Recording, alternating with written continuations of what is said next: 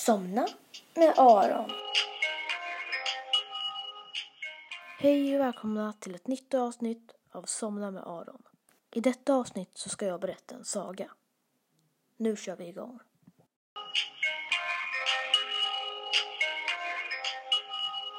Som ni hörde i inledningen så ska jag berätta en saga i detta avsnitt. Jag vet inte vad den ska handla om utan jag kommer bara komma på vad den kommer handla om. Men ni, men ni vet ju vad sagan kommer handla om för ni ser ju det på titeln. Jag ska berätta en saga om en äggkopp. Varför jag ska berätta en saga om en äggkopp är för att det står en äggkopp här på mitt rum. Um, ni kanske undrar vad det är i äggkoppen. Och nej, det är faktiskt inget ägg, utan det är lite blandade saker. Um, det är ja, grej, det är saker för ett kaleidoskop. Eh, om ni vet vad det är. Om ni inte vet vad ett kaleidoskop så ska jag berätta det nu. Ett kaleidoskop är typ som en kikare som man kollar i och så blir det coola mönster om man lägger i saker i den. Um, ni kan söka mer på det sen när ni har vaknat. Det är lite svårt att förklara men ehm, jag ska inte berätta om ett kaleidoskop utan om en äggkopp.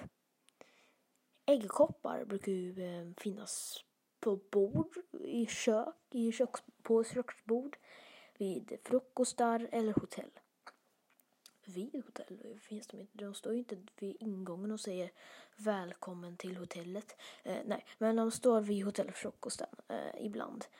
Eh, så kan man lägga ägg i dem för det är därför det heter äggkopp. Och det är ingen kopp med så här handtag eller öra som det heter. Som man lägger en kopp, eller som man lägger en, en, en kopp i en kopp. Ny uppfinning, väldigt komplicerad uppfinning och inte så användbar att lägga en kopp i en kopp. Ja, ja, i alla fall. Eh, jag hade tänkt att säga att man ska inte lägga en, ett ägg i en kopp. För då måste man ha en väldigt liten kopp eller ett väldigt stort ägg. Kanske typ ett strutsägg eller sånt där leksaksägg med ehm, så här djur i, som man köper som man typ ska ta hand om om man är fem sex år.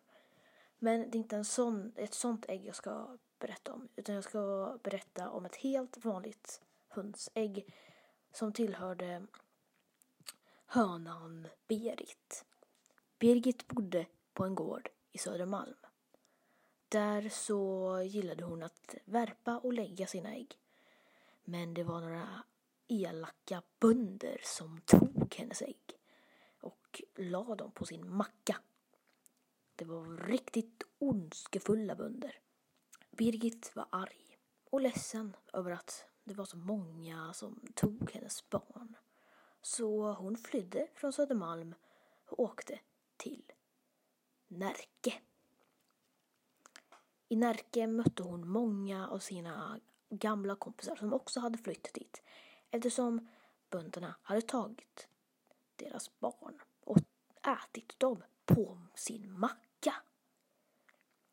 Varför kunde de inte bara ta ost istället? Varför kunde de inte bara mjölka korna och göra ost av deras mjölk istället för att ta deras barn? Birgit var riktigt förbannad. Men här i Närke fanns det inga bönder. Det tyckte Birgit var bra. Birgit gick runt i Närke och skulle se om hon hittade ett hem där hon kunde bo.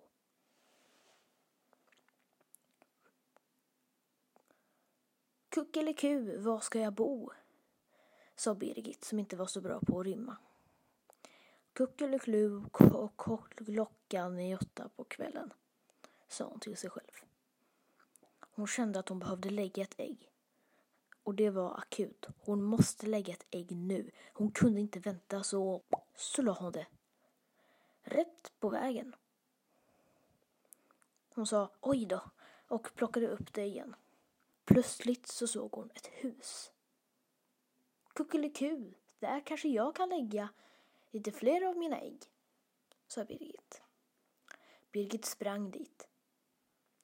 Hon la sig vid dörren och började värpa på sina ägg som hon precis hade lagt. Nästa morgon så vaknade Birgit av att hon kände att något tog henne i rumpan. Eller kloaken som det heter på fågelspråket.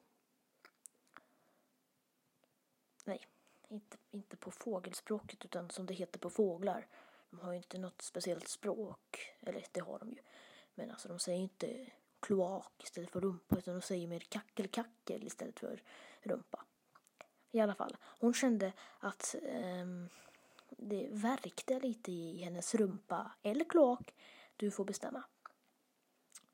Hon kollade lite åt sidan och såg att där stod det en man och han hade öppnat dörren rätt på henne.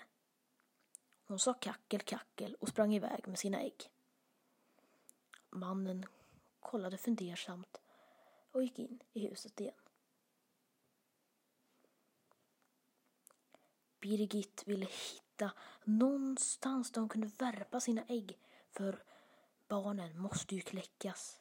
Hon letade och letade efter ett ställe där hon kunde värpa sina ägg på och till slut så hittade hon en liten låda. Du kanske tänker att hon kanske blev lite besviken på lådan. Men hon tänkte det här är det finaste jag någonsin har sett. Hon la sig under lådan och började värpa på sina ägg. Hon somnade faktiskt för att det var så skönt.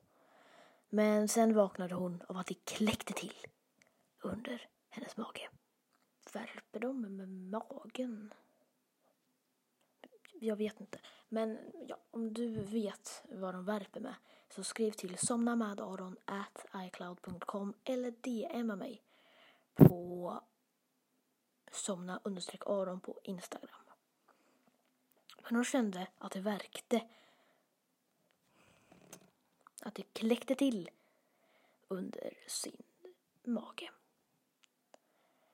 Yes! Ett av äggen kommer kläckas, tänkte hon. Hon reste på sig och såg att det var en liten spricka. Hon kikade in i sprickan men där var det ingen höna. Utan det var en get. Vad gör du här? sa hon till geten. Bä, sa geten och sprang iväg. Ja, ja, sa hönan och, och satte sig och värpte på äggen igen. Det tog dagar, år, miljoner år faktiskt. Men till slut så började det kläckas under hennes gamla, gamla mage igen. Äntligen ett ägg, tänkte hon. Äntligen ett barn. Hon hade levt med den där lådan i flera, flera miljarder år. Men hon hade inte fått något barn. Men nu, nu skulle hon få ett barn. Hon kollade på ägget. Det kläcktes och där låg en unge. Hon var så glad. Så glad över sitt barn. Hon skötte om det, var lycklig. Och hon och hennes barn var nog en av de lyckligaste i hela. Det var en liten kort saga men det här var bara ett litet specialavsnitt. Eh, så att jag kan släppa lite fler avsnitt. Så gillade ni det här och att det var ett lite kortare avsnitt så mejla gärna mig på somnamaaron.icloud.com eller DM mig. Men glöm inte att ställa frågor till ett qa avsnitt som jag kommer ha. Maila dem eller DMa. Men det var allt för mig. Så lång